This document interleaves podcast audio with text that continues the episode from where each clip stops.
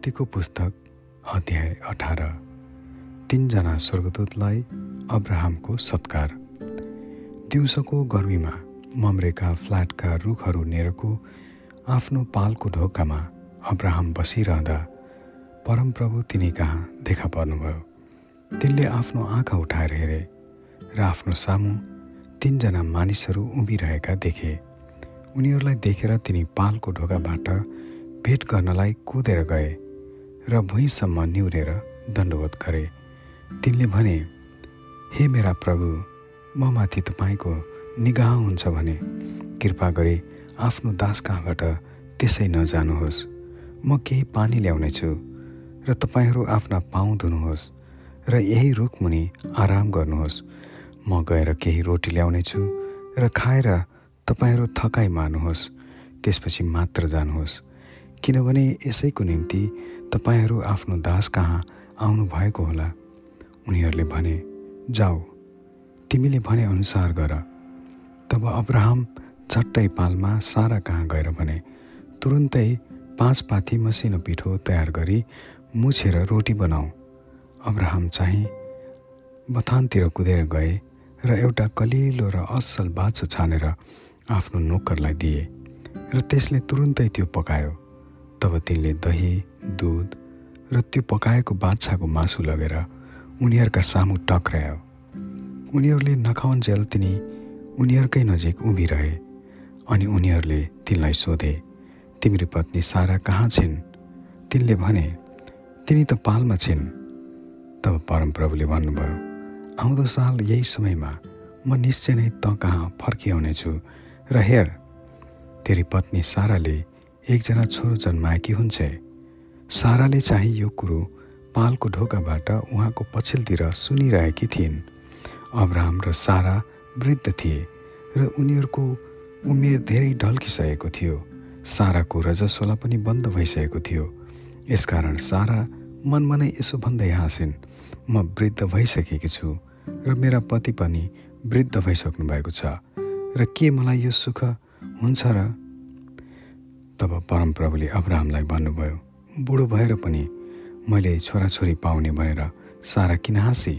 परमप्रभुको निम्ति कुनै कुरो कठिन छ र? आउँदो साल तोकिएकै समयमा म त कहाँ फर्किआउनेछु र साराको एकजना छोरो हुनेछ।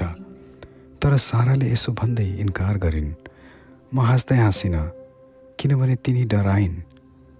तर उहाँले भन्नुभयो त हाँसेकै होस्। सदमको निम्ति अब्राहमको अन्तर्विन्ती। तब ती पुरुषहरू त्यहाँबाट सदमतिर हेर्न लागे। अब्राहम उनीहरूसित अलि परसम्म बाटो देखाउन गए।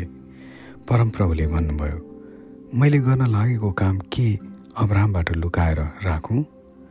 अब्राहमबाट एउटा ठुलो र शक्तिशाली जाति बन्नेछ र त्यसद्वारा नै पृथ्वीका सबै जातिहरूले आशिष पाउनेछन्।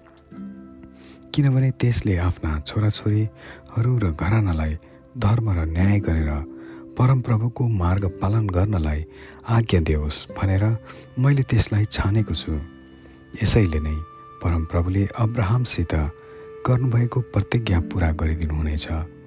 तब परमप्रभुले भन्नुभयो सदोम र गमोराको विरुद्धमा ठुलो आवाज उठेको छ र तिनीहरूका पाप साह्रै ज्यादा भएका छन्।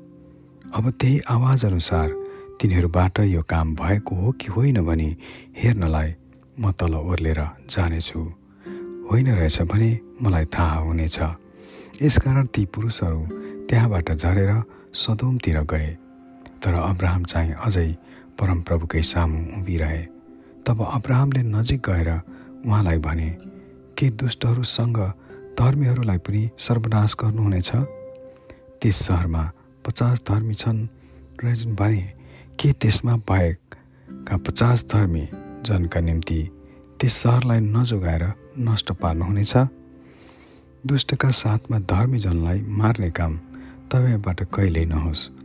धर्मीको दशा पनि दुष्टको जस्तै हुनु त तपाईँबाट पर रहोस्। सारा पृथ्वीका न्यायकर्ताले उचित न्याय गर्नुहुन्न र परमप्रभुले भन्नुभयो। सदोम सहरभित्र पचास धर्मी जन भए म तिनीहरूका खातिर जम्मैलाई छोडिदिनेछु। अब्राहमले भने हेर्नुहोस् म केवल माटो र खरानी मात्र भएर पनि परमप्रभुसँग कुरा गर्न आँट गरेको छु। पाँच कम पचासजना धर्मी छन् त्यहाँ रहेछन् भने केवल पाँच मात्र घटी भएमा सारा सहरै तपाईँ नाश गर्नुहुनेछ? उहाँले भन्नुभयो। त्यहाँ पैँतालिस पाएँ भने म त्यो नाश गर्ने छैन। फेरि तिनले भने त्यहाँ चालिस रहेछन् भने? उहाँले भन्नुभयो चालिसजनाका खातिर पनि म त्यसो गर्ने छैन। तब तिनले भने परमप्रभुलाई रिसानी नभए म अझै बोल्नेछु। यदि त्यहाँ तिसजना मात्रै पाएँ भने? उहाँले भन्नुभयो त्यहाँ तिसैमा पाएँ भने पनि म त्यसो गर्ने छैन। तिनले भने हेर्नुहोस् परमप्रभुसँग मैले कुरा गर्ने आँट गरिरहेछु। बिसजना पाइए भने उहाँले भन्नुभयो बिसजनाका खातिर पनि म नाश गर्ने छैन। अनि तिनले भने परमप्रभु रिसानी नहोस्। अब एकपल्ट मात्र बोल्नेछु। यदि त्यहाँ दसजना पाइए भने? उहाँले भन्नुभयो दसजनाका खातिरमा पनि म त्यो नाश गर्ने छैन। अब्राहमसित कुरा गरिसक्नु भएपछि परमप्रभु गइहाल्नुभयो। र अब्राहम चाहिँ आफ्नो ठाउँमा फर्के। Amen.